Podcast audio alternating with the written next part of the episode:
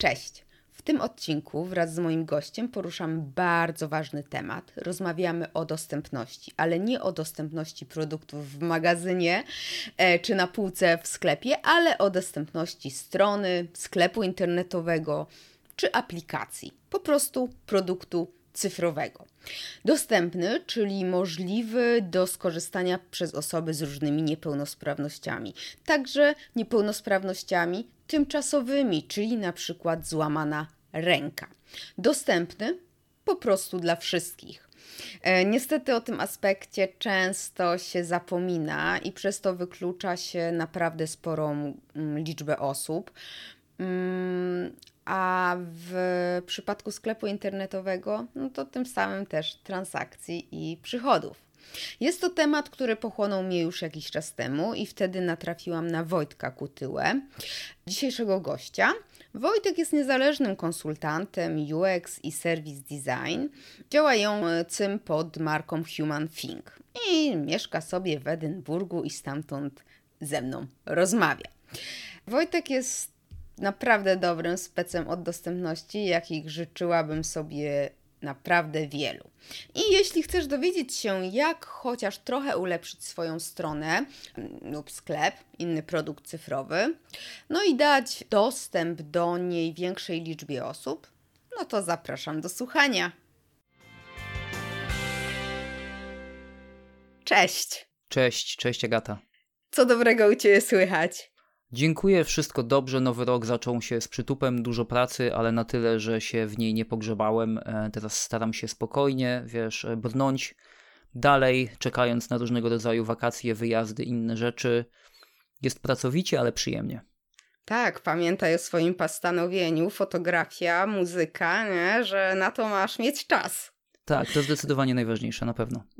Chcę z Tobą porozmawiać o dostępności, ale zacznę od pytania, dlaczego my w ogóle o tym rozmawiamy, bo chyba ta dostępność powinna być wpisana w mm, całe to usability, UX, bez konieczności mówienia o tym. Uderzasz w samo sedno i bardzo się cieszę, że ktoś wreszcie o tym mówi, ponieważ jestem trochę zmęczony sytuacjami, w których muszę wyjaśniać, dlaczego powinniśmy rozmawiać o dostępności albo y, robić rzeczy dostępne.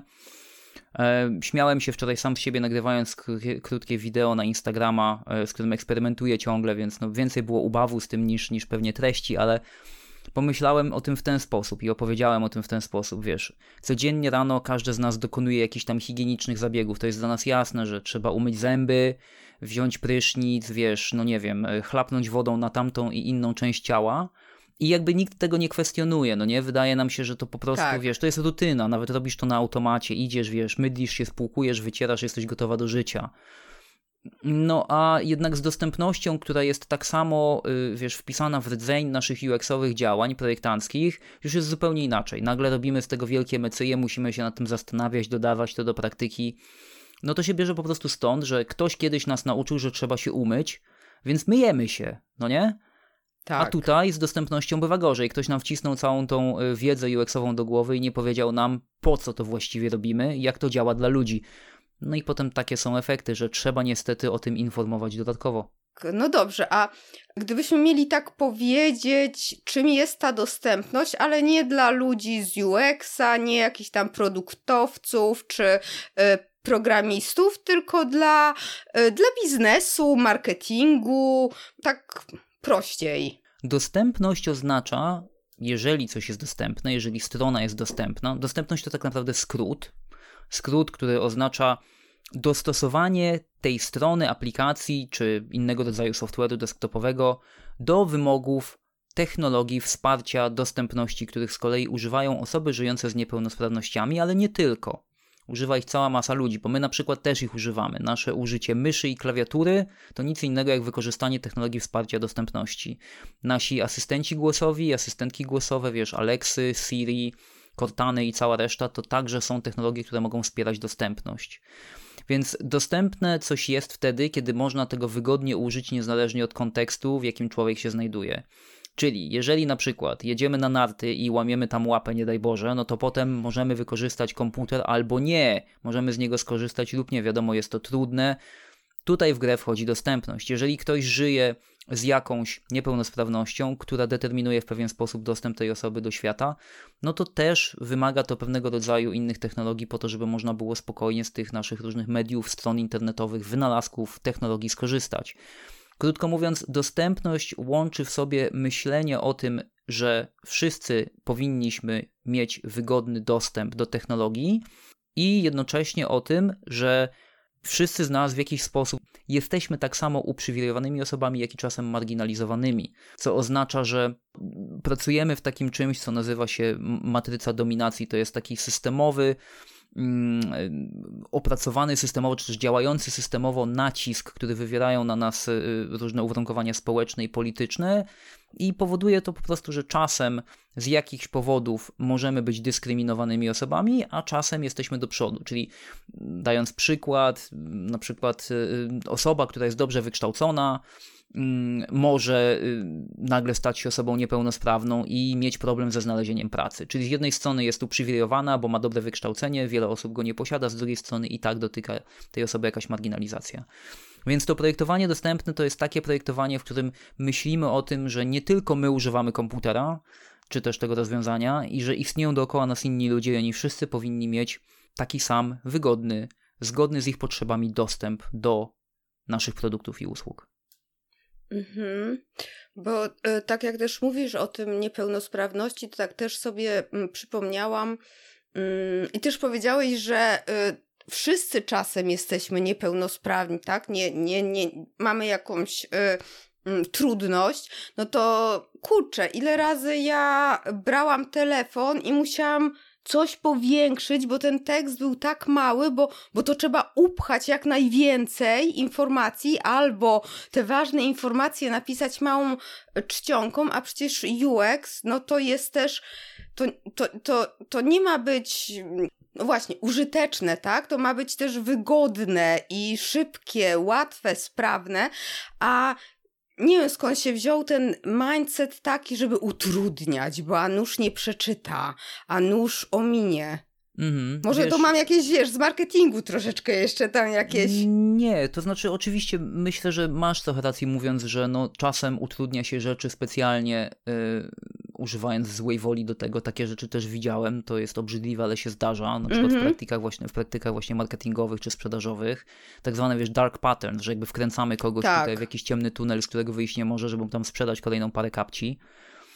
Ale mm, myślę, że u podstaw tego wszystkiego y, leży taki dziwny paradoks. Y, wiesz, w, systemie, w którym działamy i pracujemy, y, w dobie późnego kapitalizmu, wszystko jest generalnie ukierunkowane na budowanie kapitału, a nie na wygodę czy dobro ludzkie. No tak, tak to działa. I nie chodzi tutaj, wiesz, o to, czy ktoś powiedzmy bardziej w swoich poglądach socjalizuje, czy jakoś inaczej. To nie, to chodzi o to po prostu, jak działa kapitalizm. No wiesz, kapitalizm generuje kapitał. Mm, oznacza to zatem, że na tym jest skupiony, a że istnieje olbrzymi pęd technologiczny, który popycha wszystko, no to w tym momencie my musimy pracować tak szybko, żeby jak najszybciej ten kapitał generować i kręcić. I jesteśmy przygotowywani do pracy dokładnie w taki sposób, to znaczy mało poświęcamy czasu ludzkiemu aspektowi naszego działania. No i potem taki jest efekt. Kiedyś, kiedy technologia rozwijała się nieco wolniej albo inaczej, ja pamiętam, że takie rzeczy jak dostępność e, czy inkluzywne projektowanie jakby były gdzieś na peryferiach twojej wizji cały czas o tym w jakiś sposób lekko się myślało, no bo to po prostu był jeszcze jeden kawałek, którego trzeba się było nauczyć, na który kładło się nacisk. Ja nigdy nie studiowałem informatyki, wiem natomiast, że od ludzi, którzy ją studiowali, że teraz bardzo mało się o tym mówi albo wcale.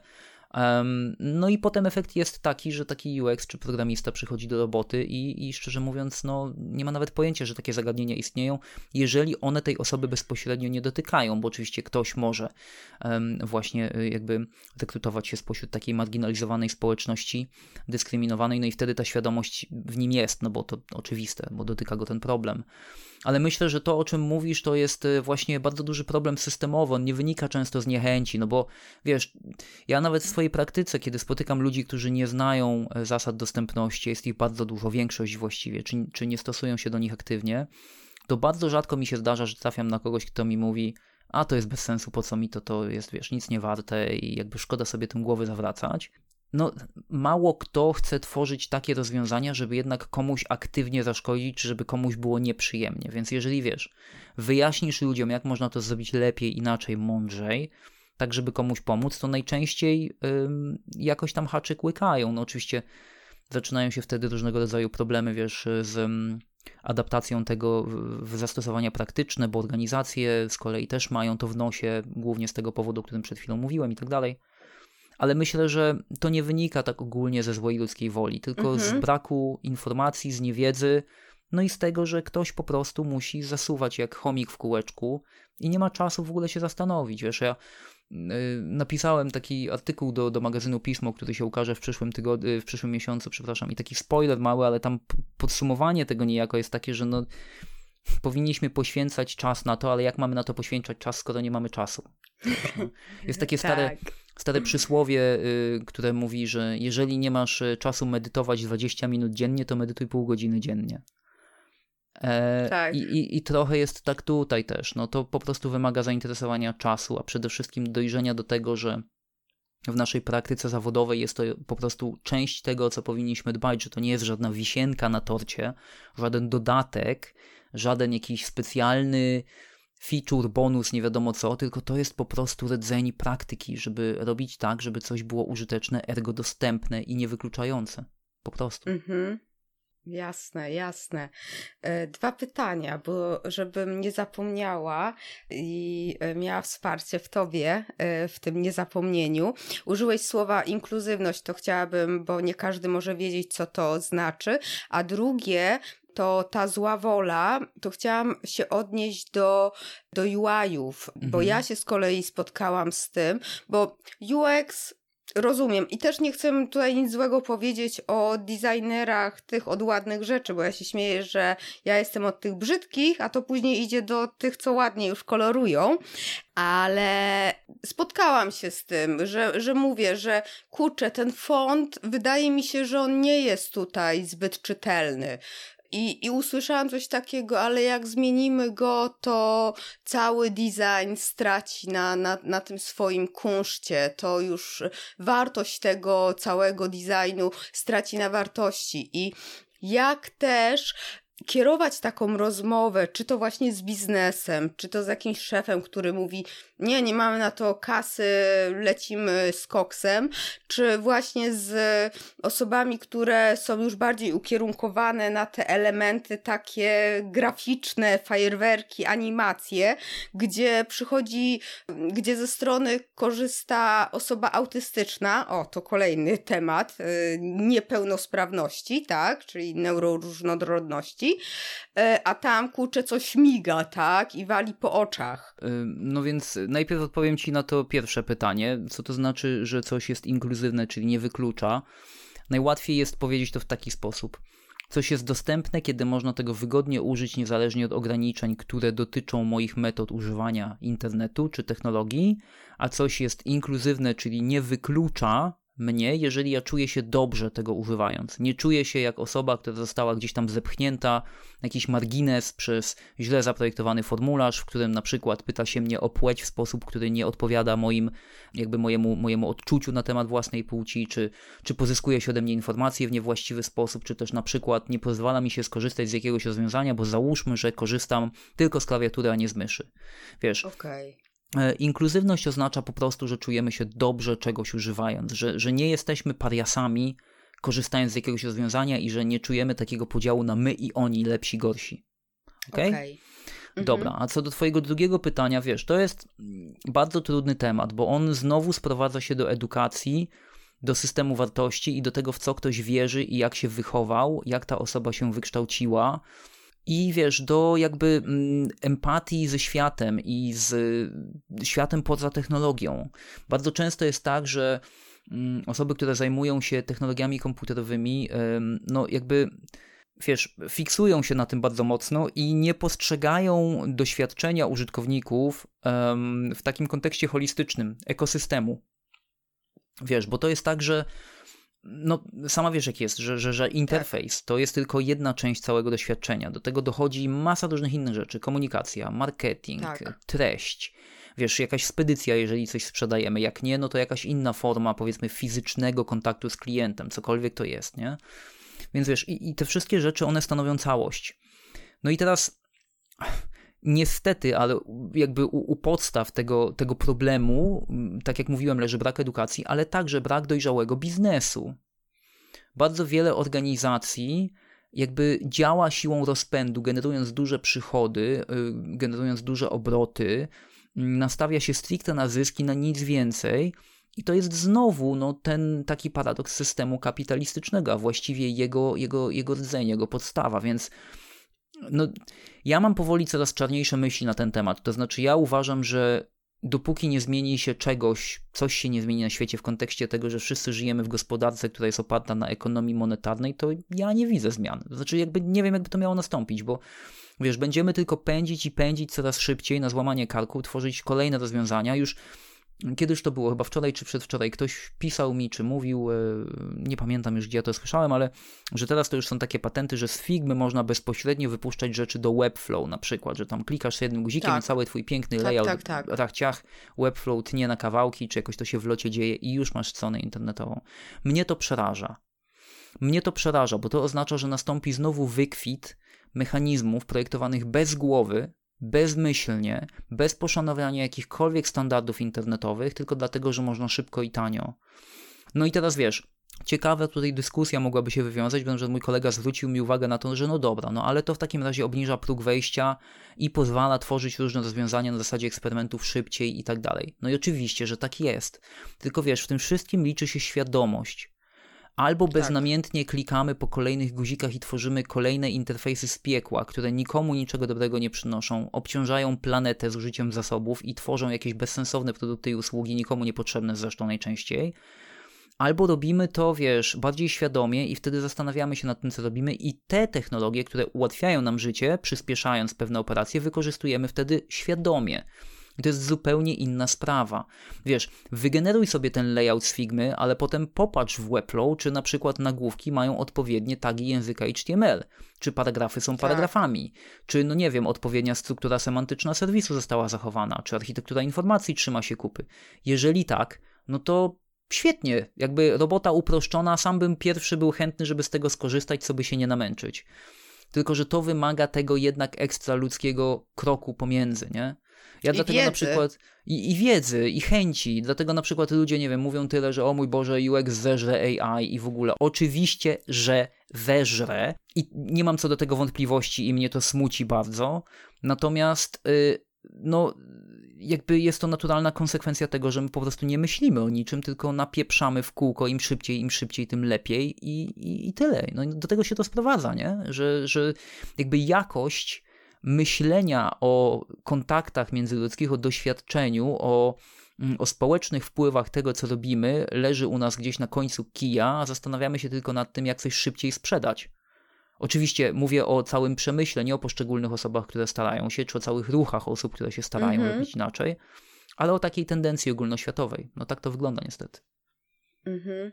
No, wyprzedziłeś moje pytanie, bo chciałam później zapytać o czat y, GTP, czy też y, dotknie dostępności, czy, czy będzie też jakoś sprawdzał, czy strona jest dostępna, albo weryfikował, chociaż są tam narzędzia i pamiętam, że y, w jakiejś twojej rozmowie u Zebzy mówiłeś, że są narzędzia, ale one sprawdzają standardy, a nie to, czy dla jakiejś grupy to jest dostępne, ale też tak się zastanawiam, czy mm, to podejście do dostępności, a, je, a raczej jego brak, nie leży w błędnej edukacji UX-ów? Y, czy nie powinniśmy wychodzić od tego, zaczynać tej edukacji, żeby patrzeć na to? Bo ja w tych kursach, które robiłam, gdzie się uczyłam, to nie było. Ja sama na ten temat trafiłam i zaczęłam się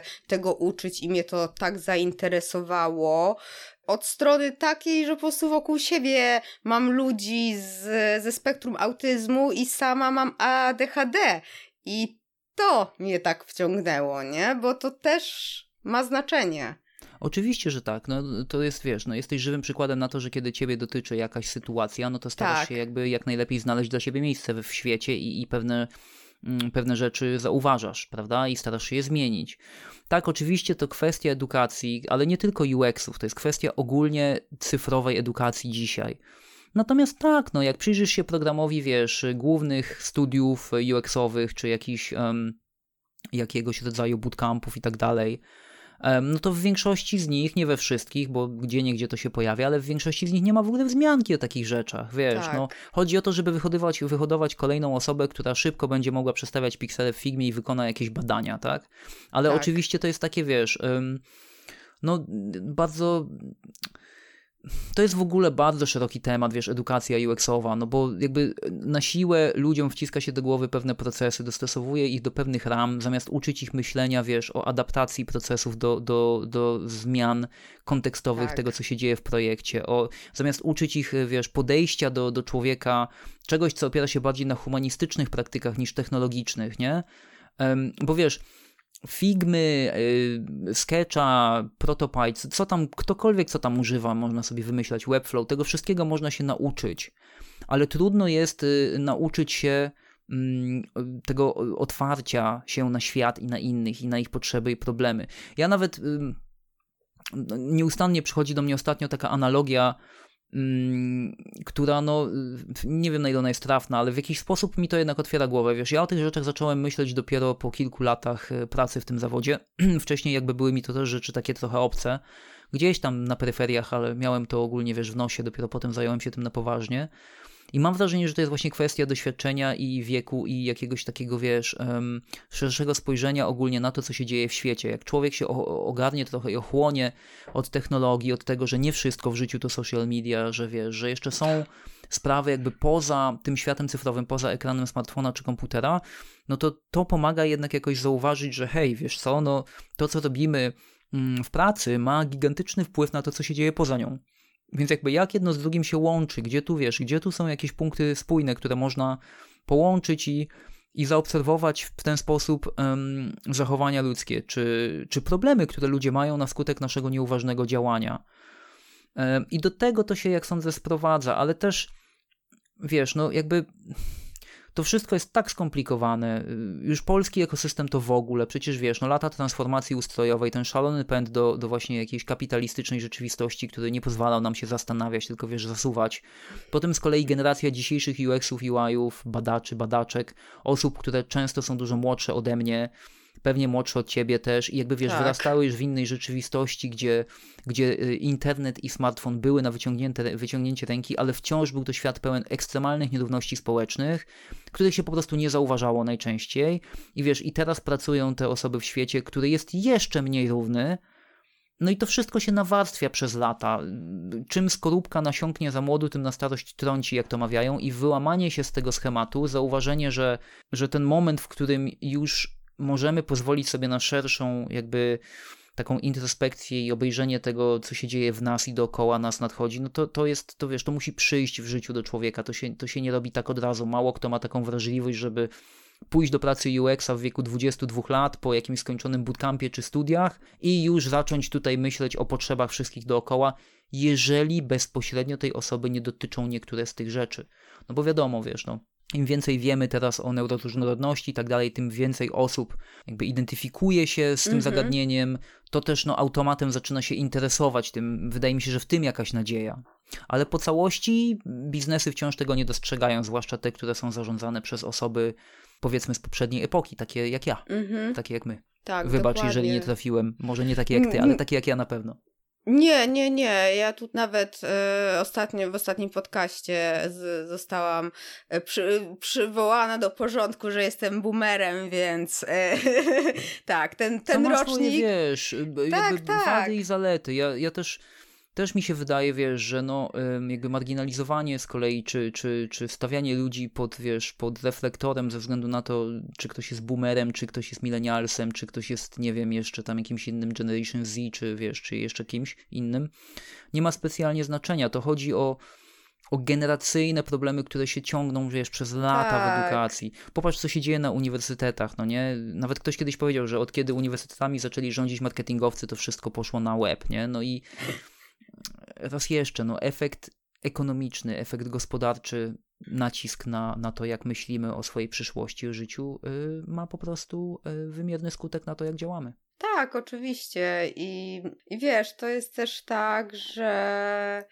mm, kurczę, to nawet jeżeli taka osoba, która w jakiś sposób jest młoda osoba, która zaczyna e, wchodzić na tą ścieżkę UX-a czy tworzenia produktów, to nawet jeżeli ma to poczucie myślenia, tak, o dostępności, o jakiejś neuroróżnorodności, nad sobą ma jakiegoś mentora, seniora, który, czy szefa, który ma inny mindset i, i to kiluje, to Boże, jak polszczyzna Ubija bardzo... To w zarodku tak, ubija w to zarodku, to się nauczy innego podejścia bardzo szybko, tak? Zacznie robić projekt za projektem, szybko, szybko i straci to, to tą swoją wrażliwość. To po prostu kształtuje, kształtuje yy, się nowa, tak? No, no, nowa osoba w zawodzie i, i uczy się od innych, więc to też ma duże znaczenie, w jakim, w jakim yy, środowisku się rozwija.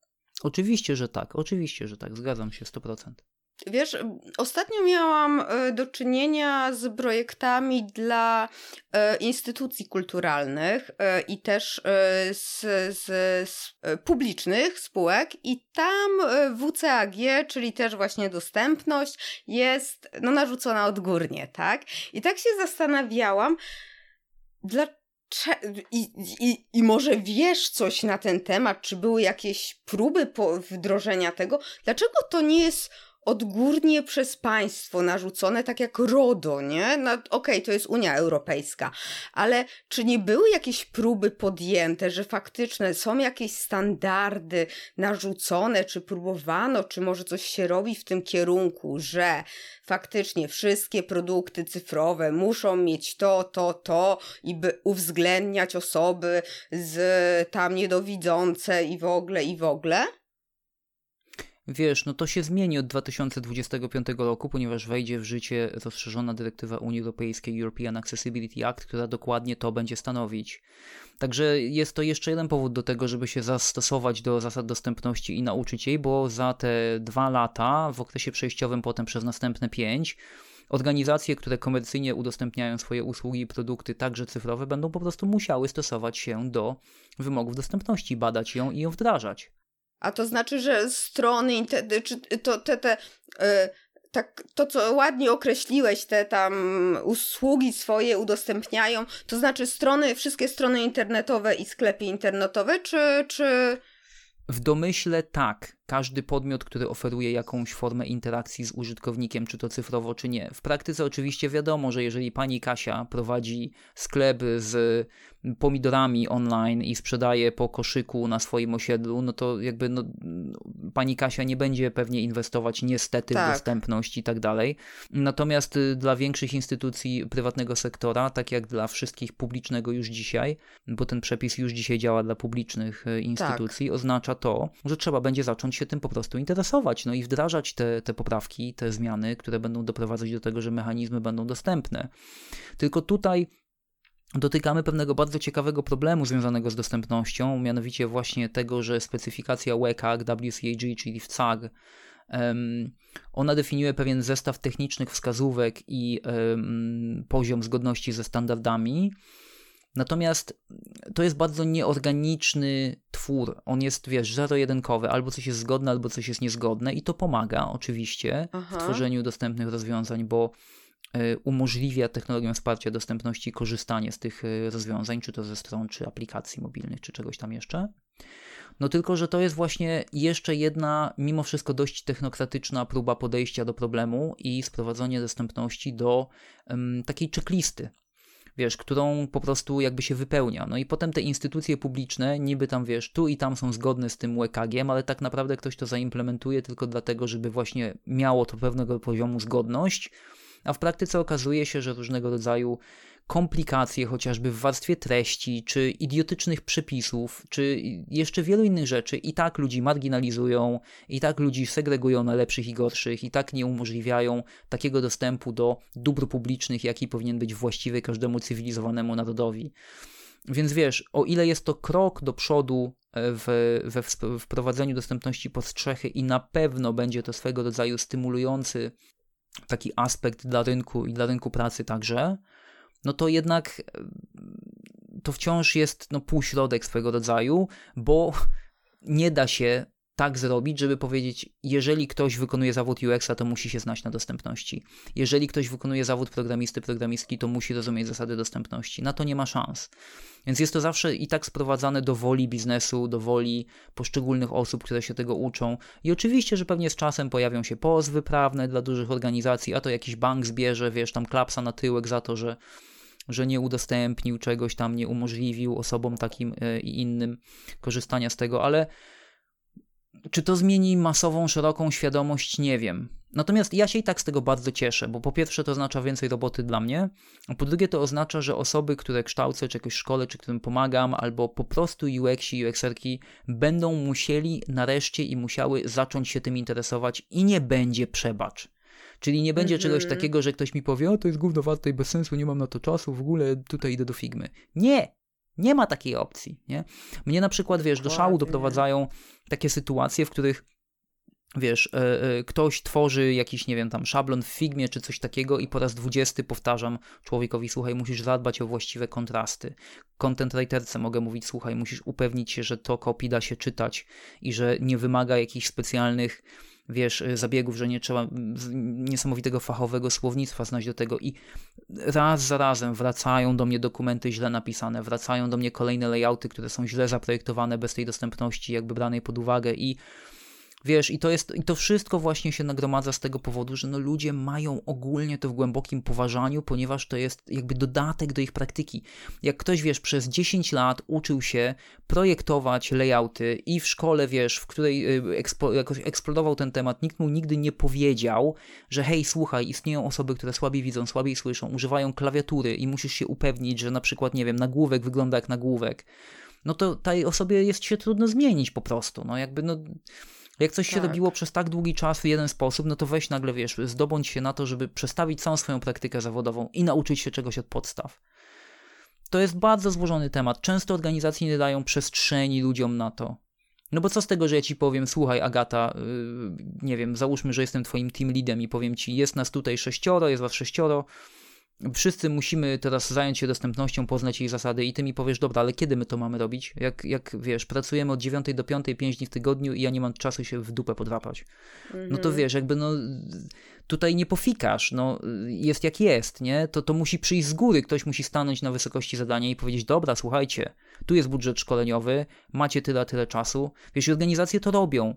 Ja teraz na przykład będę prowadził program szkoleniowy sześciotygodniowy dla jednej z największych polskich organizacji zajmujących się medycyną, w której po prostu cały zespół projektowy będzie wyposażony w te informacje, bo przyszli do mnie i powiedzieli, to jest nam po prostu potrzebne.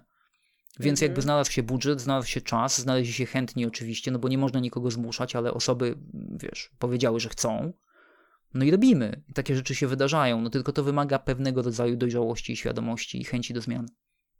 Mhm. A czy organizacja z, właśnie z tego typu związana z medycyną nie jest zmuszona odgórnie? Czy to jest ich dobra Nawet wola? jeśli jest zmuszona, to jest to jednak pewnego rodzaju realizacja, że ojej, kurczę, naszymi klientami są osoby, które mogą żyć z niepełnosprawnościami, no to, no to trzeba coś z tym zrobić, a nie olewać ich mówiąc, wiesz, o niepełnosprawni nie korzystają z internetu, tak jak to jeszcze parę lat temu słyszałem. Teraz nie ukrywam, że boli mnie często to, że ja słyszę takie rzeczy, ale tylko w Polsce. Nigdy nie słyszę takich rzeczy od nikogo w Wielkiej Brytanii, z kim pracuję. Nigdy. Nie spotkałem tutaj nigdy na brytyjskim rynku dewelopera, deweloperki czy UX-a, którzy mi powiedzą, dostępność nie jest ważna. Oni mogą mi powiedzieć, że oni nie wiedzą, jak to działa, i się jakby zaczynają w tym trochę szkolić i wiesz, i penetrują temat, sprawdzają o co tu chodzi, bo jakby wiesz, no słyszeli, że fajnie by było, ale nie wiedzą o co, co jakby o co loto. Natomiast jeszcze się nie spotkałem z kimś, kto by się odwrócił na pięć i powiedział, nie interesuje mnie to w mojej praktyce. Nie ma takich, nie spotkałem takich osób. Natomiast nie ukrywam, że w Polsce spotykam je bardzo często. No to wiesz, no to jest, to jest y, cywilizacyjny, społeczny problem, kulturowy problem po prostu. Wiesz co, a mam e, takie pytanie, bo po, e, powiedziałeś, że nie da się zrobić, może źle zrozumiałam, e, nie da się sprawić, żeby programiści i UX nauczyli się podstaw dostępności. Jeżeli, czy dobrze to zrozumiałam? Jeżeli tak, to dlaczego tak uważasz? Nie, myślę, że, że chyba niejasno się wyraziłem, bo nie o to mi chodziło. Chodzi mi tylko o to, że często jest tak, że żeby zacząć stosować poprawnie te zasady, trzeba swoją praktykę najpierw przejrzeć na wylot, zobaczyć, co się przez lata robiło źle, a potem to zmienić. I to jest istotny problem dla wielu osób. Czyli jeżeli ktoś na przykład uczył się, wiesz, załóżmy, że jest to osoba, która się programowaniem zajmuje, no idzie na bootcamp i uczy się programowania mm -hmm. w React. No i spoko. Potem idzie i wiesz, stosuje ten React, ale w pracy. Ale nikt tej osobie nie powiedział o semantycznym HTML-u, nie opowiedział jej o tym, jak działa goły JavaScript i jak go mhm. pisać. Nie przedstawił sensownie zasad obiektowego programowania i tak dalej, i tak dalej. Nie opowiedział o, wiesz, o wydajności i o tym, jaki wpływ mają źle skonstruowane bazy danych na przykład na dostępność. Wszystko, nie wiem, adresy URL, wiesz, ta osoba nie potrafi na przykład skumać, że, no nie wiem, budowanie URL-i, które mają w sobie jakieś tam y, sesje i tak dalej, też może być problematyczne z punktu widzenia dostępności. Wiesz, jeżeli taka osoba nie jest wszechstronnie przygotowana do wykonywania swojego zawodu, no to potem e, powolutku zaczyna, wiesz, powielać małe i coraz większe błędy w swojej praktyce i załóżmy, że pracuje już, nie wiem, piąty, szósty rok i w tym momencie ktoś przychodzi, taka małpa jak ja i mówi, no słuchaj stary, no tu jest 25 rzeczy, od tej pory musisz o nich pamiętać wszystkich, no bo to, co do tej pory robiłeś, robiłaś, no niestety jakby, no, no nie, no nie klei się do kupy, to nie, to nie jest właściwa metoda robienia tego no to możesz sobie wyobrazić, że no to wiesz, potrafi wygenerować taki, taką niechęć trochę, nie? Ale wiesz, no to jest, to jest pewnego rodzaju forma nauki, no jakby rozwoju, um, podchodzenia do, wiesz, do samorozwoju, do własnej edukacji. A niestety, no ale to też jest taki ciekawy aspekt. No my w IT jesteśmy grupą wysoce uprzywilejowaną i rozleniwioną. Wiesz, jakie jest teraz parcie na programistów, wiesz, jakie jest parcie na UX-ów. Taka osoba może zarobić bardzo dużo pieniędzy, relatywnie niewielkim wysiłkiem.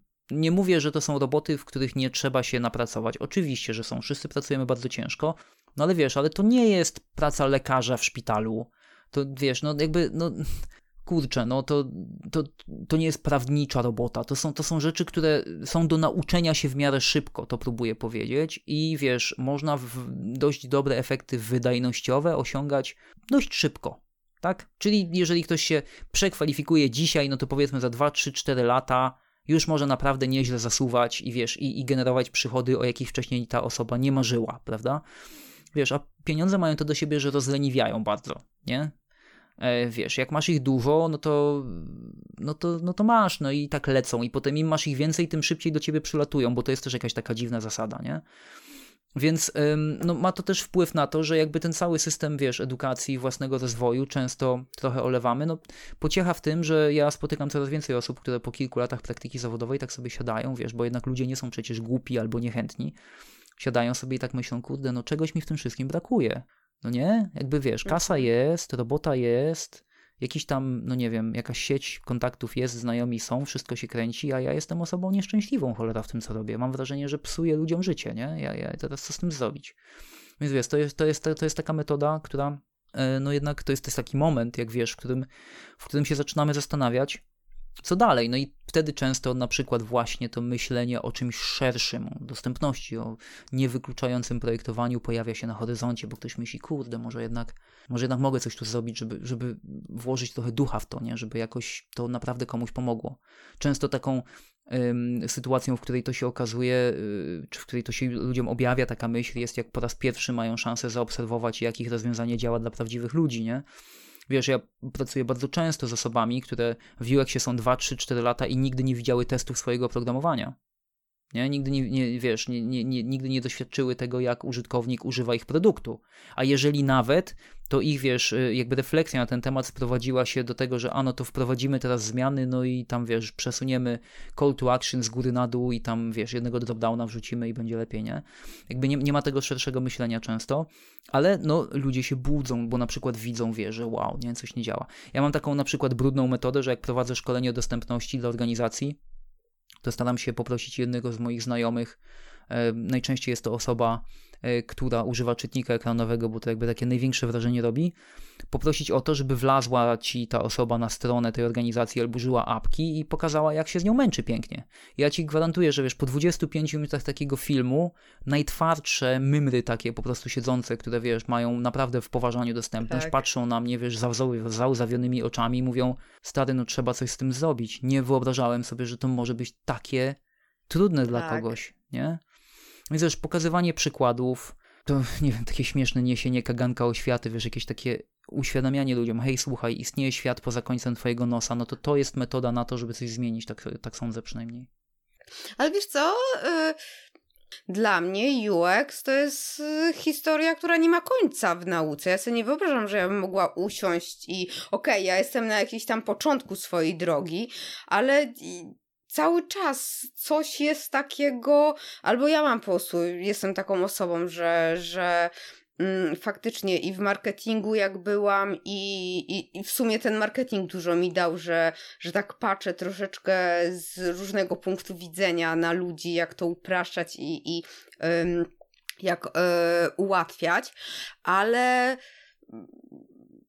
kurczę, no zobaczymy, jak będę za, za kilka lat do tego podchodziła, chociaż o ile będę jeszcze miała co robić tutaj, czy e, będziesz, AI nie, nie, nie, będzie. A jak, a jak zerze nas AI, to zajmiemy się może jakimiś fajnymi rzeczami w życiu, nie przejmuj się, coś innego się znajdzie.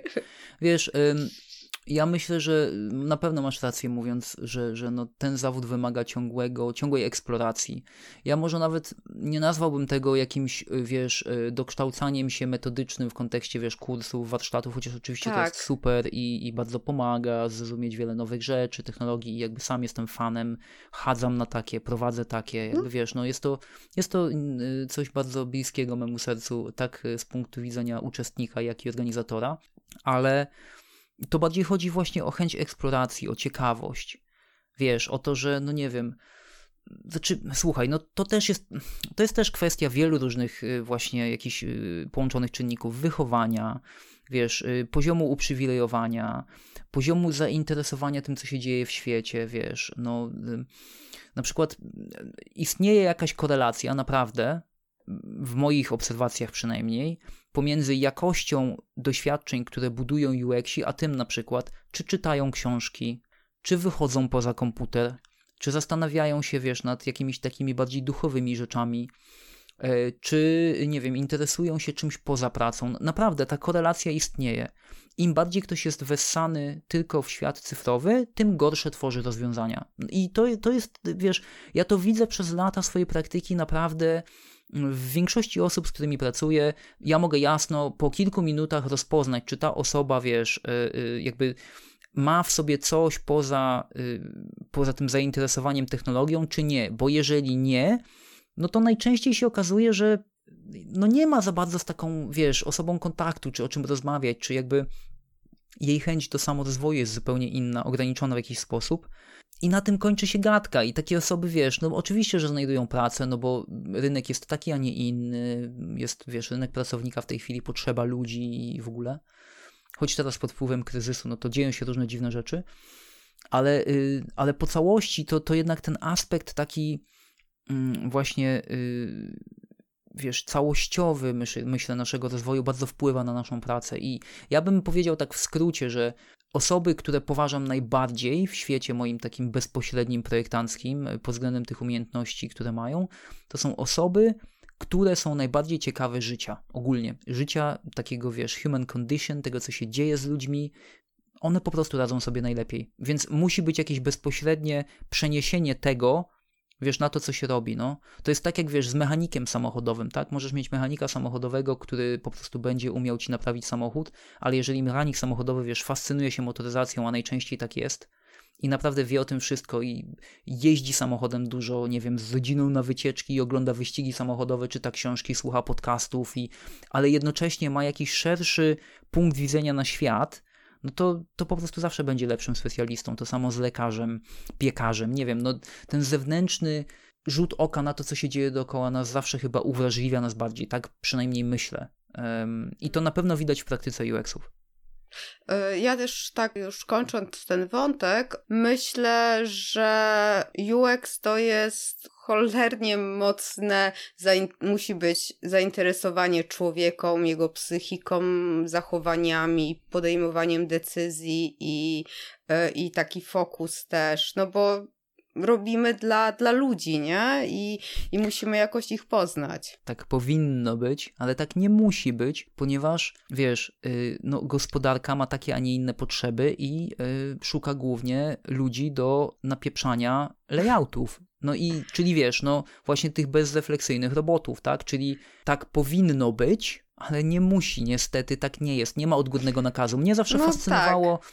wiesz, to co pisał Mike Montero na przykład, że wiesz, jak pójdziesz do lekarza i powiesz, że boli cię noga i lekarz ci, wiesz, y, obetnie złą nogę, no to możesz pozwać lekarza do sądu, nie? No, no, no możesz. Mhm. Pójdziesz właśnie do mechanika, nie wiem, naprawi ci samochód, ale ci go nie naprawi, tylko nie wiem, hamulce puszczą, wiedziesz w słup, no to możesz iść do mechanika, no i jakby, wiesz, dochodzić swoich praw, tak? Co się mhm. stanie, kiedy grupa ludzi takich jak my zaprojektuje apkę, nie wiem, taką jak Insta i, yy, wiesz, która umożliwia szerzenie jakichś, nie wiem, kiepskich treści, yy, przysysa dzieciaki godzinami, wiesz, powoduje różnego problemu rodzaju, nie, yy, problemu rodzaju, nie wiem, eating disorders czy coś, bo się ludzie naoglądają, wiesz, szczupłych modelek i potem myślą, ja też muszę tak wyglądać, to nie będę jadła. Co się dzieje? No nic się nie dzieje. Nic. Nic, Nic, się nie dzieje, tak? Co się dzieje, kiedy Google, wiesz, ym, swoimi praktykami wysysa z ciebie takie behawioralne informacje, że głowa mała, albo WhatsApp od Facebooka, nie? Jakby y, nikt złego słowa nie powie, nie? Wszyscy siedzą na Whatsappie i zgodnie wysyłają sobie obrazeczki. Mnie by, ja zrezygnowałem z Whatsappa parę lat temu, jak się dowiedziałem, jak to działa. Nie wyobrażam sobie, żeby ktoś mnie zmusił do użycia tego. Po prostu. Ja, wiesz, cenię sobie swoją, e, swoją e, jakąś, na tyle, na ile mogę, niezależność, wiesz, możliwości decyzyjne w takim czy innym zakresie zakupowym. Nie wyobrażam sobie, żeby ktoś tych danych używał. Ja używam, wiesz, na co dzień Google'a, bo tak wymaga ode mnie tego biznes ale serce boli mnie za każdym razem, a poza tym przynajmniej świadom jestem tego, jakie praktyki Google stosuje w stosunku mm -hmm. do mhm. mnie i staram się jakoś to ograniczać, nie? Natomiast wiesz, no my się ładujemy bezrefleksyjnie w rzeczy. Ja kiedyś napisałem taki artykuł, e, w którym postawiłem taką tezę, że jesteśmy więźniami wygody. No bo tak to naprawdę działa, nie? Ktoś nam da kolejną zabawkę, tak jak TikToka, która wiesz, na, na, zaoferuje tak. nam jakiś, jakiś balsam na duszę, no to zamiast leczyć swoją duszę, My pójdziemy na TikToka, no bo jest wygodniej włożyć głowę w piasek i sobie ładować, wiesz, szajs do bani, niż się za tą banię wziąć, nie? I oczywiście wszystko ma swój czas i miejsce. Ja nie mówię, że to są złe rzeczy, bo to są też fantastyczne rzeczy, które zbliżają ludzi do siebie, wiesz, umożliwiają twórcom fajnych treści zaistnieć, wiesz, muzykom, artystom, mhm. nieważne, komukolwiek, opowiedzieć o swoim życiu. To są super sprawy. Tylko chodzi mi o to, że zawsze ta jasna strona doświadczenia ma jakąś tam ciemną gdzieś pod spodem, i od UX-ów wymagałbym tego od nas, żebyśmy byli świadomi tego. Po prostu świadomi. I podejmowali świadome wybory i jakby wiesz, yy, działali tak, żeby wykorzystywać te dobre rzeczy, a dusić właśnie w zarodku jakoś wpływać na te negatywne, tak żeby ich było coraz mniej. Wiesz, pewnego rodzaju y, refleksyjne podejście do tematu. Zatrzymaj się, człowieku, poczekaj, nie? Ktoś ci wkłada tutaj, wiesz, nowy projekt do głowy, spoko, chwileczkę, czy pomyślałeś, pomyślałaś o tym, jakie etyczne uwarunkowania temu towarzyszą? W kogo to uderzy? Komu to zrobi krzywdę, komu nie? Dla kogo to jest, dla kogo to nie? Kogo tutaj marginalizujemy? Jak to będzie generować pieniądze dla biznesu? Czy w sposób, który jest szczery i spoko? Czy też, no nie wiem, rypiący ludzi po kieszeni i po głowie?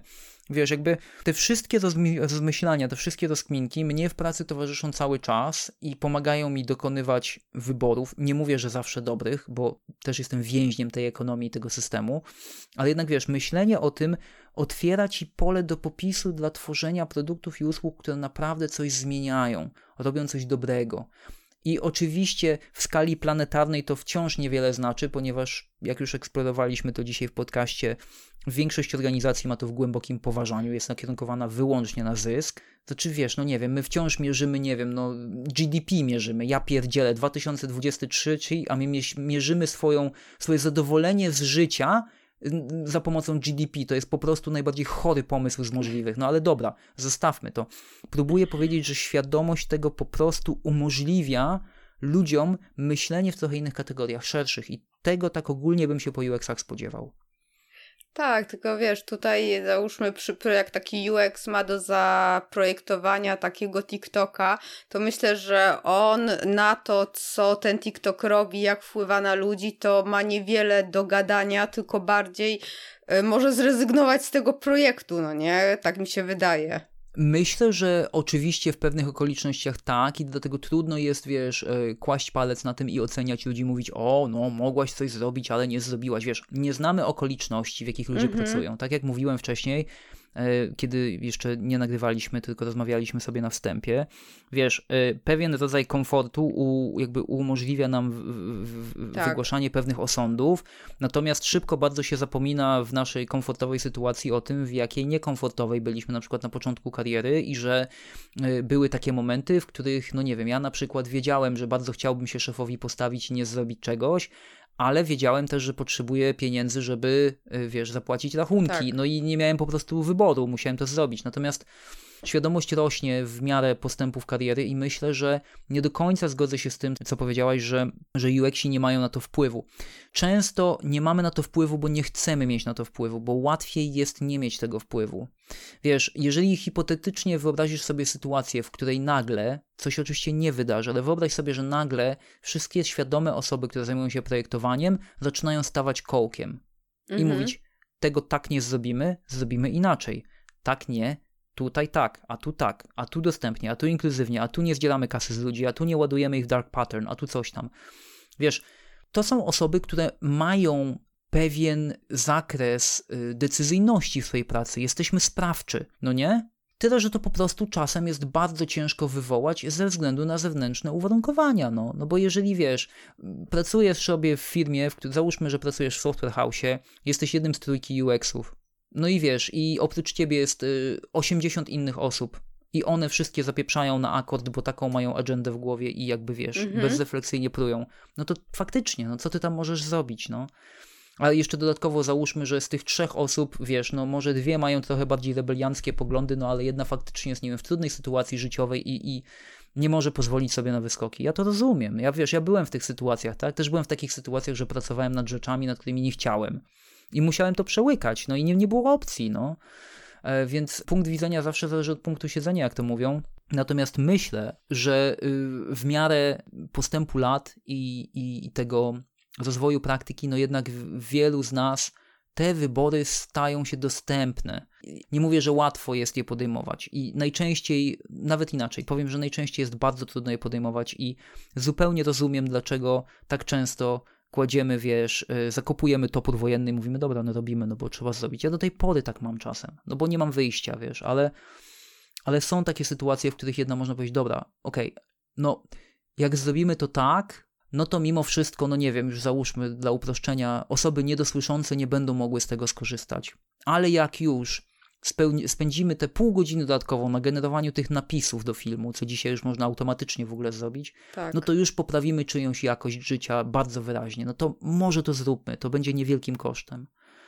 Tutaj też wiesz, pomaga to, o czym mówiłaś trochę na początku, tak się śmieliśmy, śmialiśmy z tego obydwoje. O, o tym, wiesz, mówieniu o dostępności. Myślę, że gdybyśmy przestali o niej mówić, a zaczęlibyśmy ją robić, nawet te osoby, które są zdecydowane, jakby wprowadzić ją do swojej praktyki zawodowej, to rzeczy by się poprawiły automagicznie, że się tak wyrażę. Naprawdę. Tak.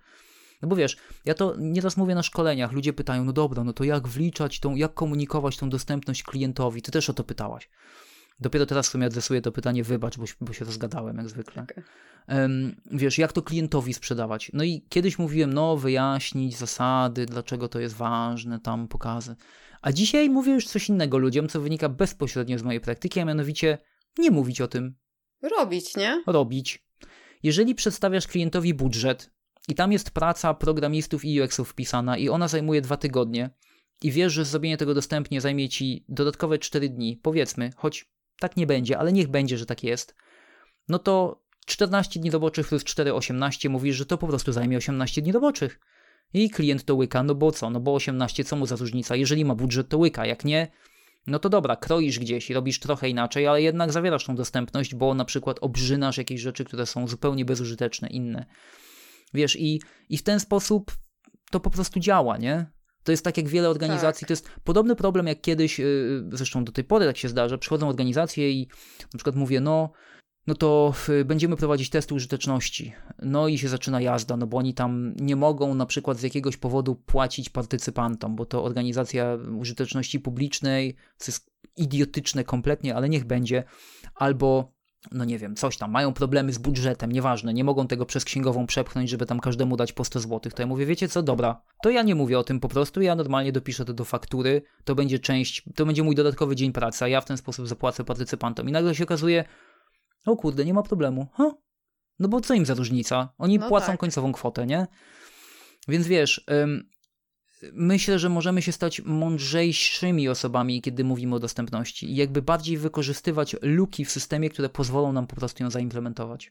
Dokładnie, dokładnie. I też taka myśl yy, mi się pojawiła, że nawet jeżeli nam się nie uda, to zawsze warto próbować. To tak jak ja próbuję, i mimo, że załóżmy, mam jakąś później walkę z UI-em, to zawsze chociaż spróbuję, nie? I, i chociaż mam tą, tą mm, nie satysfakcję, ale to czyste sumienie, że okej, okay, ja próbowałam. To nie tak, że olałam temat i powiedziałam okej, okay, ładne, niech idzie, tylko podjęłam próbę i, i tutaj szukałam rozwiązań i jakichś kompromisów.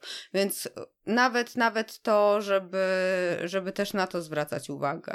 Zgadzam się. Możemy robić, wiesz, to co możemy robić we własnym zakresie i to powinniśmy robić, no bo to też jest trochę, tak czasem żartuję, jak prowadzę szkolenia, jak wiesz, załóżmy, że mam grupę, nie wiem, 10 UX-ów, no i pod koniec tych dwóch dni czy trzech dni szkolenia to już są podjarani, już wiesz, wszyscy chcą robić tą dostępność, no bo wiadomo, nie, ja to potrafię tak, wiesz, mm, jakby zaprezentować jako pomysł, że ludzie w to wchodzą i podoba im się, są fajne ćwiczenia, są wszyscy podjarani. No i mówią, no i co teraz? A ja mówię, słuchajcie, no z tą dostępnością to jest trochę tak jak z katarem, nie? Jak, nie wiem, kto ma dziecko, ja akurat nie mam, ale mam siostrę, która ma małą córeczkę, więc wiem jak to jest że wiesz, mała idzie do przedszkola, no i tam, nie wiem, jeden dzieciak kichnie. No i już zaraz kicha dwójka dzieciaków, trójka, potem ona kicha, no i potem starzy kichają, a jak się z nimi spotkamy, wiesz, na herbatę, no to już my też kichamy i potem nasi znajomi kichają, nie? I z dostępnością trochę tak jest. To jest trochę tak jak było z UX-em. Jak żeśmy zaczęli go robić parę lat temu i tam, wiesz, jakiś prototyp ktoś skonstruował, ktoś jakieś testy przeprowadził, no i pokazał gdzieś tam, no to na pięć osób, które to widziały, cztery powiedziały, weź mi dupy, nie zawracaj, nie mam na to czasu, a jedna powiedziała, kurde ciekawe, co to jest, nie? Zróbmy to jeszcze raz, nie? No i potem już wiesz, potem są już dwie osoby, potem są trzy, cztery, pięć, tak. dziesięć, to się rozprzestrzenia. Do tego dochodzi jeszcze taki aspekt dodatkowy, z którego ja się też śmieję często, ale on jest taki, no nie wiem w sumie, może to ironicznie się śmieje bardziej, że jeżeli ktoś przychodzi do mnie na szkolenie i uczy się tego i strasznie go to jara i potem taka osoba nie ma szansy praktykować tych zasad u siebie w firmie, to ja przynajmniej z czystym sumieniem usprawiedliwiłem jednej osoby odejście z pracy do jakiejś, w której będzie mogła to robić. Wiesz, dałem komuś bodziec do popatrzenia na świat inaczej i myślę, że im więcej takich osób, tym bardziej naturalnie będziemy tak. tego po prostu e, szukać i do tego podchodzić, tym więcej będzie tego myślenia o dostępnych i niewykluczających usługach. Słuchają nas teraz różne osoby, ma załóżmy ktoś y, jakiś mały, średni biznes, no i chciałby, zainteresował się tym faktycznie. E, wpisuje sobie dostępność w Google i wyskakują mu jakieś WCAG, jakieś różne dziwne rzeczy. E, no, dużo jest tego. Mm, od czego w ogóle powinien zacząć? Myślę, że najfajniejszą metodą na rozpoczęcie, rozpoczęcie jakby przygody y, z tym wszystkim jest przede wszystkim zainteresowanie się ogólną użytecznością. Bo wiesz, rzadko jest tak, dobra, inaczej. Często spotykam klientów, którzy chcą wejść w dostępność, e, bo na przykład mają takie wymaganie prawne, bo nie wiem, świadczą usługi na rynek amerykański, gdzie takie wymaganie okay. jest, albo coś tam się wydarza. Ale wiesz, patrzę na ich strony internetowe, patrzę na nich apki i one są po prostu nieużyteczne. Już nie okay. mówię o dostępności jako takiej, która kuleje tam oczywiście, no i okej, okay, z ręką na sercu przyszli, chcą pomocy, ale to po prostu nie działa. Jest źle zaprojektowane, jest, wiesz, no niewygodne, nieużyteczne, niepraktyczne. Więc ja zawsze y, staram się myśleć o tym, żeby y, takim klientom tłumaczyć, że najlepiej będzie, jak po prostu zainteresują się tym, jak ich y, efekty ich pracy są wykorzystywane przez ich klientów. No i naturalną drogą dedukcji potem dochodzimy w tym, czy oni nawet sami dochodzą do tego, że hej, że potrzeby osób są różne. Że pani Kasia będzie, nie wiem, scrollować za pomocą kółka w myszce, a pan Maciek, który no nie może myszki używać, no to będzie klawiatury używał, a z kolei Jacek będzie tam, nie wiem, yy, no ma trackbola, bo ma zespół nadwrażliwego nadgarstka przez lata bycia programistą i już trochę inaczej to wszystko działa na przykład, nie? Więc wiesz, otwarcie się na klientów to jest zawsze odpowiedź na to, jak zacząć pracę z dostępnością i z użytecznością. A potem wiesz, no są różne metody.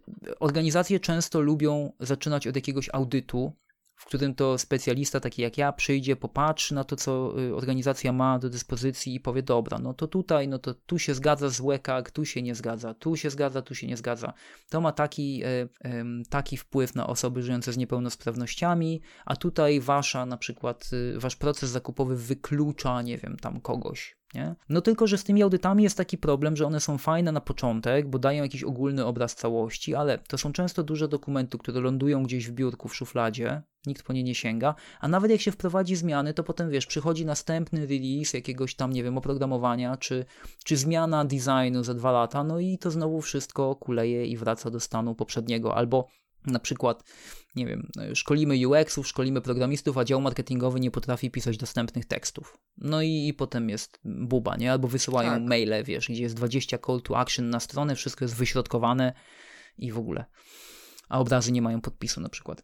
Więc ja, kiedy podchodzę do, do, do, rzeczy i staram się jakby ludziom te praktyki dostępnościowe w jakiś sposób, wiesz, zaimplementować w organizacjach, to ja zawsze staram się podejść do tego od strony szkoleniowej, uświadamiającej, wiesz, zrobić jakąś pogadankę, pokazać jak to działa, jaki to ma wpływ na ich klientów.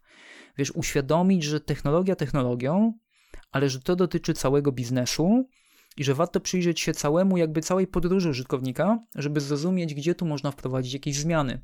I to jest ta rzecz, którą trzeba pamiętać. Myślę, wracając do Twojego pytania, jeżeli osoba, która w organizacji jest odpowiedzialna za takie rzeczy, czy, czy też chciałaby się tym zainteresować, interesuje się dostępnością, to ja przede wszystkim spojrzałbym na to, żeby ktoś mógł powiedzieć, jaki jest obecny stan tego, co tam się dzieje, i potem wyszkolić personel tak, żeby po prostu zacząć tworzyć porządne rzeczy od teraz na forever, jak to mówią. No bo to, to jednak o to chodzi głównie, żeby wiesz, żeby ta praktyka miała w sobie tą dostępność i żeby ona się przewijała przez cały łańcuch software development. Jeżeli tak będzie, to powinno być lepiej. Oczywiście to i tak nie daje żadnej gwarancji, no bo to wciąż wymaga od organizacji tego myślenia progresywnego, tego, że może ok, jeden dzień dodatkowo czasu nikogo nie zabije, a poprawi stosunki z klientami, ułatwi komuś życie. No ale to są te najtrudniejsze tematy. To są te bezwzględnie najtrudniejsze tematy, właśnie takie, wiesz, przekonywanie ludzi do tego, że to warto robić od strony takiej moralno-etycznej, nie? No bo to jest.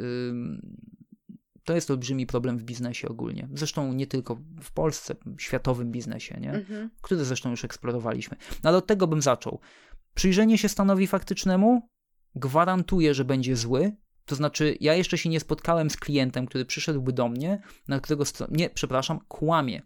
Miałem niedawno klienta, była to charytatywna organizacja z Wielkiej Brytanii, która przyszła do mnie po audyt dostępności i mimo, że były u nich na stronie rzeczy do poprawki, to nieduża strona, parę, parę podstron tylko, nic specjalnie wielkiego, ale mimo, że były tam rzeczy do poprawki, to ogólnie było naprawdę nieźle i to był pierwszy raz w mojej praktyce, który mi się taki wydarzył. Natomiast y, z dużą dozą pewności mogę zagwarantować wręcz, powiedzieć, że na 99 inaczej, na stówkę, na 100 klientów, których mogę zobaczyć, 99 z nich ma nieogarnięte dostępnościowo strony, aplikacje i tak dalej. To jest pewnik po prostu. Nie? To jest pewnik. W mniejszym, większym stopniu, ale zazwyczaj tak, że no nie da się tego jakoś używać wygodnie. No i yy, czyli, czyli w pewien sposób no, jest to o tyle dobre, że wszystko można poprawić, nie? Czyli rzadko ląduję w mhm. sytuacji, w której gdzieś wchodzę i patrzę i myślę, nie no, ja już bym tu nic nie poprawiał, no bo nie ma co, jest wszystko dobrze. Właściwie raz mi się to zdarzyło do tej pory, a i tak nie do końca, bo i tak pewne rzeczy trzeba było poprawić, więc ym, no tak to wygląda. Zainteresuj się tym, co robią ludzie, którzy korzystają z Twoich usług. Obserwuj ich, rozmawiaj z nimi, nie uciekaj od nich, oni Cię nie pogryzą, oni Ci nie zrobią kuku, a nawet jak będą na Ciebie wściekli, to nie będą bez powodu. Jak zrobisz, że będą mniej wściekli, to zrobisz więcej kasiory i spowodujesz, że ich życia będą prostsze, więc win-win situation, więc czemu jeszcze czekasz? Powiedz skąd, bo tych niepełnosprawności, problemów, jakie mamy, jakie ludzie mają ze stroną, może być ogrom i mhm. stworzyć stronę, która będzie Dostępna dla wszystkich, no pewnie jest trudno.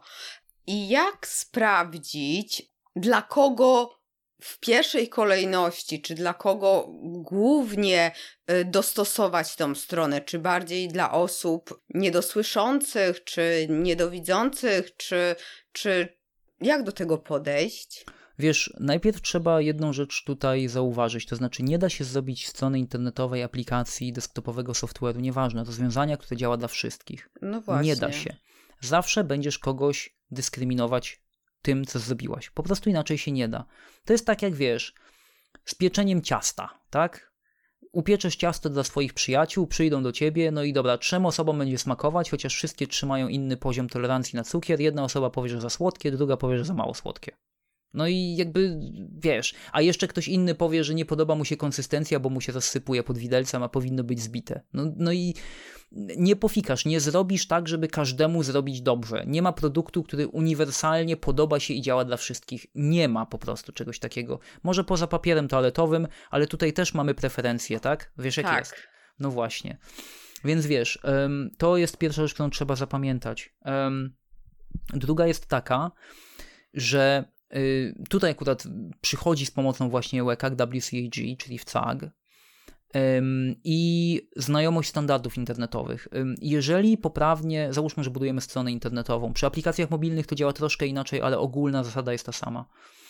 Jeżeli budujemy stronę internetową i poprawnie skorzystamy ze standardu HTML, rozumiejąc to, co robimy, i wiemy, co to jest na przykład zasada progresywnego rozszerzenia i zastosujemy ją, i wiemy, jak wykorzystywać JavaScript i co to jest na przykład ARIA, no to w tym momencie technologicznie zagwarantowaliśmy dostępność, dostępność większości technologii wsparcia. Więc jakby już jesteśmy ekstremalnie do przodu w stosunku do tego, co było. Już jest tak, że czy ta osoba widzi, czy ta osoba słyszy, czy ta osoba nie widzi, czy nie słyszy, czy ma problemy ruchowe, czy ich nie ma, już powinna móc użyć tego, co tam się dzieje.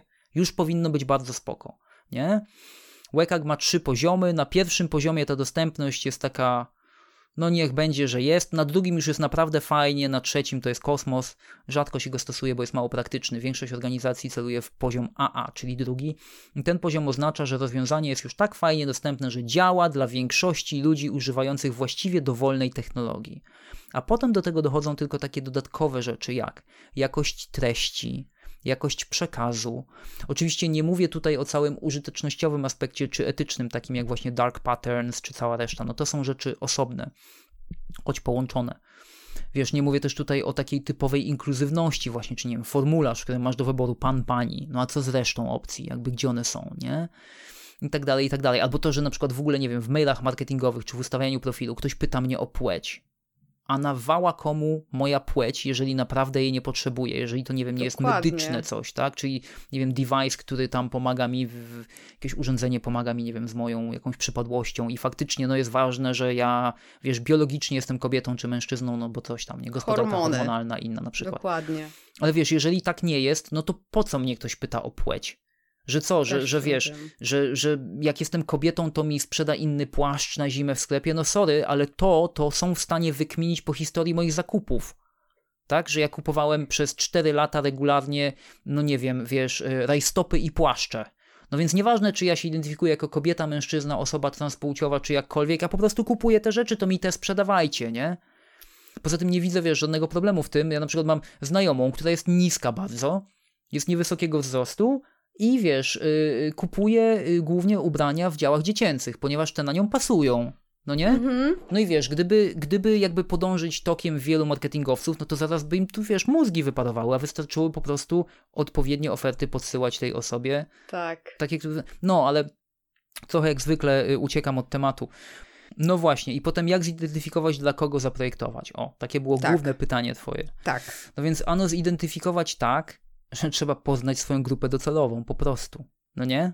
Dowiedzieć tak, tak, się, co tak. to za ludzie, czyli znowu sprowadzamy wszystko do istoty rzeczy.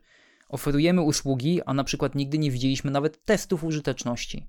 Nigdy nie sięgnęliśmy do ludzi, którzy z naszych usług korzystają, bo na przykład na kanałach społecznościowych traktujemy ich w taki sposób, że jest w organizacji pani Basia, która jest, czy pan Janek, nieważne, osoba odpowiedzialna za media społecznościowe, która po prostu siedzi tam i klepie jakieś komentarze, natomiast nigdy to do nikogo nie trafia, no bo po prostu to są media społecznościowe i organizacja musi tam mieć prezencję, nie? No sorry, no ale wiesz, no jakby, no jak tak traktujemy rozwój biznesu, właśnie to, co mnie najbardziej, znowu będzie dygresja, ale tym razem z sensem, to, co mnie najbardziej rozpieprza w tym całym UX-ie, w produkowaniu, no. wiesz, produktów i usług, to jest to, że 90% biznesów albo więcej prowadzi swoje biznesy nielogicznie i ja tego nie mogę trochę zrozumieć. To znaczy, jeżeli coś próbuję ludziom wepchnąć i ludzie tego nie chcą i mi to komunikują, a wiem, że komunikują, bo do mnie piszą, bo sprawdzam, wiesz, rzeczy, które do mnie mówią, no to ja tego nie wpycham. Z drugiej strony, jeżeli ludzie są podekscytowani czymś, co im dałem i piszą, że są podekscytowani, no to jasnym jest dla mnie, że chcą tego więcej. Jeżeli ktoś na przykład, wiesz, po warsztatach mówi do mnie, słuchaj stary, było super, no ale wiesz, slajdy były trochę nieczytelne, a ja mam problemy ze wzrokiem. Wcześniej nie mówiłem, bo myślałem, że będzie spoko, ale no jednak trochę mnie to uderzyło. No to co ja robię w tym momencie? No oczywistym jest dla mnie, że następnym razem slajdy muszą być bardziej czytelne. No jakby, wiesz, nie ma opcji. Albo ktoś do mnie pisze i mówi, słuchaj Wojtku, przyjechałabym na twoje warsztaty, ale poruszam się na wózku, powiedz mi proszę, czy będzie taka możliwość, nie? Ja wracam, wiesz, do ośrodka, w którym organizuję szkolenie, takie fizyczne, Pytam, czy jest toaleta dla osób niepełnosprawnych i mówią, nie będzie, no nie ma takiej toalety. To co ja robię? Znajduję takie miejsce, gdzie toaleta jest. No nie, jeżeli nie mhm. mogę przebukować tego, bo już jest za późno, to mówię do, do osoby, słuchaj, no tym razem nie dam rady, no bo takie są aranżacje, tak. ale upewnię się następnym razem, że mamy toaletę dla osób niepełnosprawnych, żebyś komfortowo mogła przyjechać na warsztaty, nie? Nie wyobrażam sobie zrobienia inaczej. Tymczasem ta logika obecna w moim działaniu wydaje mi się zupełnie obca w wielu organizacjach, jakby nie istnieje i ja teraz nie wiem o co tutaj chodzi, bo ja nie jestem super mózgiem, ja nie jestem geniuszem, ja nie jestem jakimś dziwnym kolem, który nie wiem, ma dziwne pomysły. Jestem po prostu człowiekiem, który prowadzi biznes i są ludzie na tym świecie, którzy mają dużo większe łby do biznesu niż ja. Nieporównywalnie większe. A jednak te decyzje są im obce, nie? Więc no nie pojmuję trochę tego i, i, i nie wiem dlaczego sami zapędzamy się w kozi róg po prostu. Ale nie widzisz tego, że skupiasz się po prostu na jednej osobie, a dla biznesu to jest za mała skala, żeby się skupiać. Tylko widzisz, to tak nie działa, bo to, słuchaj, y, większość niepełnosprawności na przykład jest niewidoczna tak? Powiedziałaś mi dzisiaj, że masz ADHD, prawda? Mhm. Wiesz, podejrzewam, że gdybyśmy dłużej pobyli ze sobą, to ja bym się domyślił. Może nawet gdybyśmy poznali się lepiej, to albo powiedziałabyś mi szybciej, tak. albo bym cię zapytał, powiedziałbym, hej, słuchaj, Agata, wiesz, wydaje mi się, że możesz mieć ADHD, powiedz mi, czy mhm. masz, jak masz, będzie mi łatwiej, będziemy sobie łatwiej funkcjonować tak. w ogóle, nie? I ty powiesz, tak, Wojtek, mam, no faktycznie mam, nie? Wiesz, powiedziałaś mi o tym, ale wiesz, często nie dowiesz się, że komu coś dolega, tak? Wiesz, jest, tak. jest, jest masa y, przypadłości, na które ludzie cierpią latami wewnętrznych chorób, czy chorób psychicznych, czy problemów po prostu z psychiką, wiesz, y, choćby, no nie wiem, choćby, wiesz, y, stan depresji, który tak wiele osób ma dzisiaj i go doświadcza i wiele z nas doświadczało tego stanu, ale to nie musi być, wiesz, od razu komuś widoczne, wiadome. Poza tym, Oczywiście. jeżeli ja zadbam o jedną osobę, która porusza się na wózku, no to tak, można argumentować, dobra, przestawiłem cały ośrodek pod jedną osobę. Tylko, że co zrobi ta jedna osoba. Ta jedna osoba przyjdzie na moje szkolenie, a potem będzie piać peany na LinkedInie i w, w swoich grupach, wiesz, w których z, z, podobne, o, o, podobnych powiedzmy przeżyciach osoby są zgromadzone gdzieś tam, mówić, kurde, byłam ukutyły na warsztatach i normalnie było zajebiście, mogłam wygodnie sobie, wiesz, y, poruszać się i wszystko było przygotowane, nie? I ja w tak. ciągu, wiesz, następnych kilku lat dostanę następne 3-4 takie osoby, więc efekt skali działa w obie strony. Jeżeli ja dostosuję moją stronę pod pięciu klientów, którzy do mnie notorycznie piszą i mówią, nie mogę tych filmów oglądać, bo nie ma napisów, i to jest tylko pięć osób, to dzisiaj to jest pięć osób, za dwa lata to będzie 55, a potem to będzie 55 tysięcy osób, nie? Jakby wiesz, no, trochę wyobraźni po prostu. Pomijając Ale ja ciebie rozumiem. To, wiesz, to, to właśnie trochę wyobraźni, to się sprawdza do wyobraźni. Zresztą te rzeczy najczęściej nie wymagają i to jest właśnie najważniejsze w dostępności. Ludziom się wydaje, że to jest jakiś niesamowity nakład środków, nauki, pieniędzy, czasu. Nie jest. Seriously, Nie jest, naprawdę. Można się nauczyć tego w przeciągu kilku miesięcy na takim poziomie, że to po prostu zaczynamy stosować. A sorry, ale jak mi ktoś powie, że w swojej praktyce zawodowej nie może przeznaczyć powiedzmy najbliższego roku na pół godziny w tygodniu, 15 minut w tygodniu poczytania czy popraktykowania czegoś, no to ja nie wiem, no to naprawdę ręce i nogi opadają, no bo bez przesady. Jeżeli ktoś może 15 minut rano na kiblu sprawdzać Instagram, to znaczy, że może 15 minut zamiast tak. na kiblu sprawdzać Instagram, na kiblu czytać o dostępności, jeżeli mu na tym zależy. Raz w tygodniu, Dokładnie. pozostałe 6 dni niech sobie ogląda Instagram, nie? Jakby no, wiesz, sprawczość jakaś jest potrzebna do tego i chęć zrobienia chęć. różnicy, chęć zrobienia czegoś dobrego. I ta, ta, ta chęć się pojawia w coraz większej ilości osób i to jest mega, mega stymulujące. Bardzo mi się to podoba.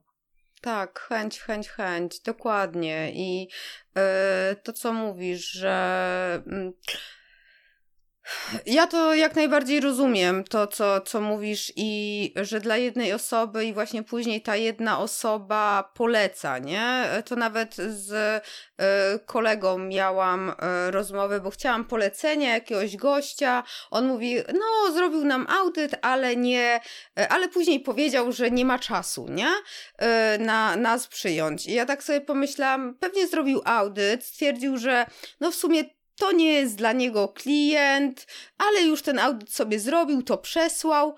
I mówię, zobacz jaki dobry marketing. On wam to zrobił, przesłał, a ty dalej go polecasz, że dobry, masz dobre doświadczenia, dobry experience i, i takie nawet małe rzeczy, mm, dostosowanie się i, yy, i wszystko się też do, do tej dobrej woli sprowadza. I do szczerości, wiesz, bo Ostatnio na przykład y, ciekawy, ciekawy miałem taki case y, pracy z organizacją, y, z którą już drugi czy trzeci projekt miałem robić. Napisali do mnie, mówiąc, że coś tam im w procesie konwersji nie działa i że chcieliby trochę jakby pomóżdżyć o tym, co tu zrobić mhm. inaczej. No i ja wiesz, spotkałem się z, z nimi, zrobiliśmy sobie dzwonkę, opowiadają co tam, co tam i ja już widzę w tym, że to jakby nie proces konwersji jest problemem, tylko to jak oni podchodzą do myślenia o swoim kontencie marketingowym, że jakby celują z nim trochę w niewłaściwą grupę, a znam ich grupę docelową już teraz dobrze, bo pracowaliśmy mhm. razem i jakby co zjeżdżają się trochę w potrzebach biznesu z potrzebami tych osób, które korzystają z tych ich usług. I zacząłem im o tym opowiadać, mówiąc, słuchajcie, no oczywiście, że mogę dla was zrobić projekt i skasować was za kolejny research i zobaczyć, co tu nie działa, tylko że ja wiem, że to nie pomoże, bo to nie o to chodzi powinniście swoje wysiłki jakby ustawić w drugą stronę trochę i popatrzeć na coś innego. I był tam, to nie jest wielka firma, to jest firma dziesięcioosobowa i był tam właściwie cały zespół łącznie z osobą, która jest jakby no takim założycielem mhm. y, trzymającym kasę. I ten ziomek powiedział, wiesz co, powiedziałeś mi właśnie coś, co mi po głowie chodziło przez ostatnie dwa tygodnie, ale jakoś nie mogłem tego wyartykułować. Dokładnie tak jest, nie? Popatrzmy na to od innej strony i dzięki ci za to, no bo w ten sposób faktycznie coś z tym zrobimy. I kilka dni później dostałem maila, w którym mi napisał, że bardzo docenia to, że wiesz, nie wlazłem w ten projekt, nie skroiłem ich z kasy, tylko powiedziałem jak jest i że teraz bardzo chcieliby pracować ze mną w przyszłości i zlecić mi jakiś tam research dodatkowy, mm -hmm. coś tam, bo wiesz, zbudowałem jakąś dookoła siebie, tak. nie wiem, y, estymę Zaufanie. człowieka, który chce pomóc, wiesz, a nie Y, zerżnąć kogoś w audycie, wiesz, no pobrać, mm -hmm. kurde, nie wiem, y, dobra, 10 koła, audyt fajnie trzaśnięty, zrobiony, nie? Z drugiej strony, wiesz, nie ma nic złego w tym, jak sądzę, żeby w takiej sytuacji powiedzieć klientowi, słuchaj, no współpraca nie układała nam się, nie odpowiada mi sposób, w jaki pracowaliśmy, coś nie wyszło, myślę, że powinniśmy się pożegnać, bo szczerość też ma, wiesz, wiele jakby wymiarów, nie? Mm, Ogrom. No ale w tak. pracy z takimi rzeczami jak dostępność czy inkluzywność, no wydaje mi się, musimy się na nią zdobyć, bo jednak no, jest to po prostu ważne, zgodne z naszym systemem wartości też, jak sądzę. Tak, tak, tak. Ja, ja, ja bardzo, bardzo to ze mną rezonuje i, i mam podobnie, bo nie potrafię też współpracować z klientami, z którymi też nie ma na przykład flow i, i tego zrozumienia, bo, bo to nie wyjdzie po prostu. Dobrze, powiedz mi jeszcze, czy znasz jakieś przykłady małych, średnich firm, które nie muszą być dostępne odgórnie, a są e, przynajmniej no, w takim wystarczającym zakresie, żeby móc sobie zobaczyć, poobserwować i, i wziąć z nich e, przykład?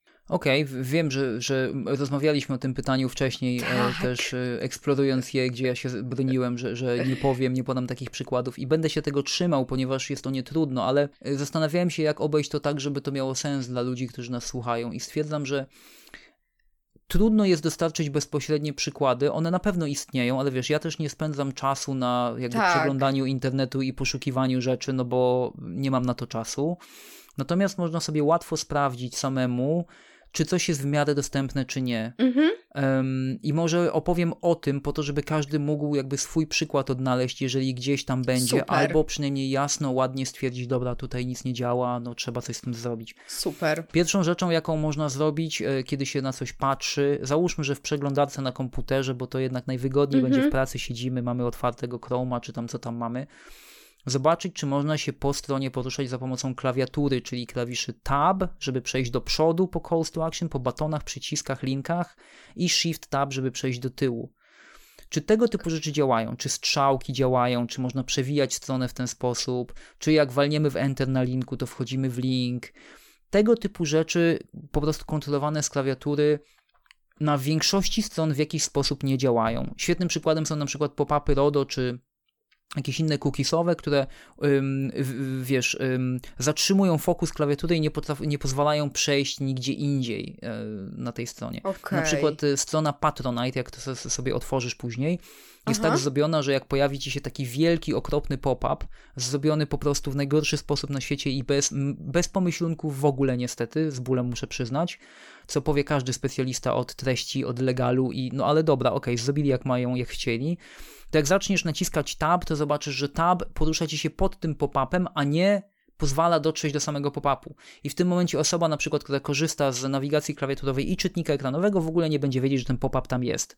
Ergo potencjalnie będzie używać strony bez poszanowania y, zasad legalności. No więc w ogóle jest to, wiesz, kosmos. Więc klawiatura. Klawiatura to pierwszy problem.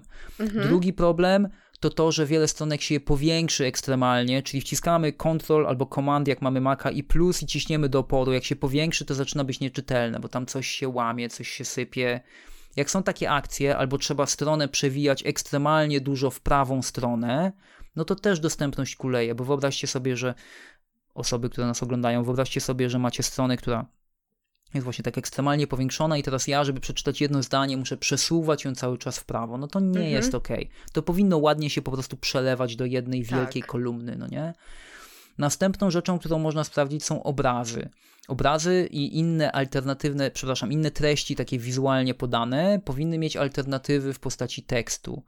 Nie wszystkie, jak to są dekoracyjne obrazy, to nie muszą takie być. Czyli jeżeli na przykład na stronie z Twoimi podcastami jest tytuł, podcasty Agaty i to jest ważny tytuł i obok jest twoje zdjęcie, które no, dodaje o tyle do kontekstu, że wiadomo jak wyglądasz, ale nie jest mi konieczne do zrozumienia tego, co tam się znajduje, no to to zdjęcie może być tak skonstruowane, tak może być opisane lub raczej nieopisane, że po prostu zniknie choćby dla czytników ekranowych, nie? Z, z tego całego drzewa odczytywania. Chodzi tu o atrybuty alt w obrazach. Mhm. O tym można sobie poczytać w szczegółach. Albo na przykład, y, no nie wiem, masz wykres, nie? I czy wykres można opisać za pomocą tekstu? Pewnie, że można. Każdy wykres to pod spodem tabela albo zestaw tabel.